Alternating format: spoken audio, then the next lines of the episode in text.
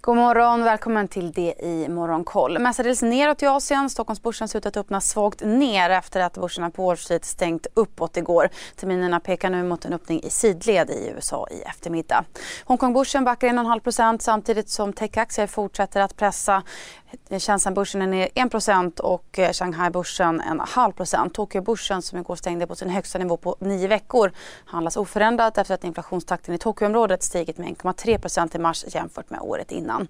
Samtidigt fortsätter den japanska yenen att försvagas mot dollarn och handlas nu kring sin lägsta nivå sedan 1990-talet mot den amerikanska valutan. Och så har Nordkorea nu bekräftat att man testade en ny kraftfull typ av interkontinental ballistisk robot igår som är den största att skjutas upp ifrån landet landet hittills. Nordkoreas ledare Kim Jong-Un säger också att man kommer fortsätta testa nya robotar för att förbereda sig på en långvarig konfrontation med USA.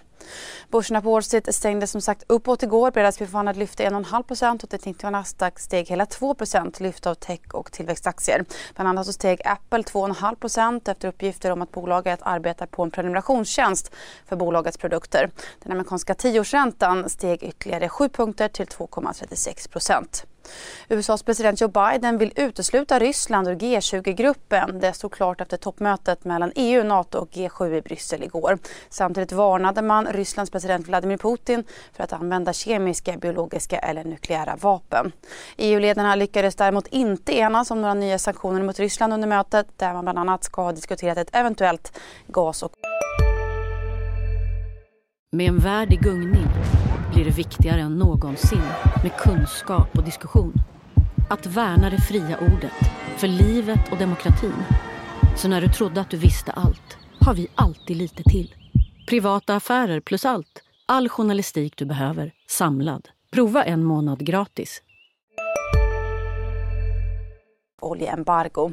Oljepriset som föll tillbaka igår kväll har nu stabiliserat sig och stiger istället runt en halv procent. Brentoljan kostar 119 dollar fatet. Ryssland krävde också tidigare i veckan här betalning för rysk olja och gas i rubel. Enligt den ryska energiministern kan man dock vara öppen för betalning i andra valutor samt bitcoin när det rör sig om vad man kallar vänligt sinnade länder som Kina och Turkiet, rapporterar CNBC.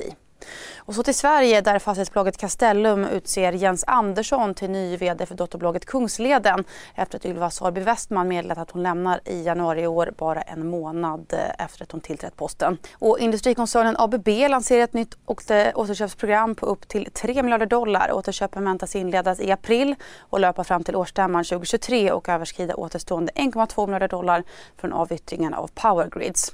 Sen har tre personer nu också häktats efter razzian mot ICA-handlarnas förbund tidigare i veckan som ledde till att 13 personer anhölls. De tre personerna som nu har häktats är misstänkta på sannolika skäl för insiderbrott vilket är den starkare misstankegraden. Två av dem ska vara framgångsrika ICA-handlare varav en sitter i toppen på ICA-handlarnas medlemsorganisation förbundsstyrelsen. Och sen så kan vi också berätta att AstraZenecas antikroppsbehandling mot covid-19, Evusheld, rekommenderas för godkännande i EU av den europeiska läkemedelsmyndigheten. Behandlingen har sedan tidigare fått nödgodkännande i USA av läkemedelsmyndigheten FDA. Idag fortsätter vi naturligtvis att hålla koll på EU-toppmötet i Bryssel. Dessutom så får vi tyskt IFO-index och så fortsätter en rad aktier att handlas eh, utan utdelning. Idag så rör det sig bland annat om Essity, Nordea och SKF. Missa inte heller Börsmorgon 8.45 eller Börskoll klockan 14. Hej, Synoptik här. Så här års är det extra viktigt att du skyddar dina ögon mot solens skadliga strålar. Därför får du just nu 50% på ett par solglasögon i din styrka när du köper glasögon hos oss på Synoptik. Boka tid och läs mer på synoptik.se. Välkommen! CSRD, ännu en förkortning som väcker känslor hos företagare. Men lugn, våra rådgivare här på PWC har koll på det som din verksamhet berörs av. Från hållbarhetslösningar och nya regelverk till affärsutveckling och ansvarsfulla AI-strategier. Välkommen till PWC.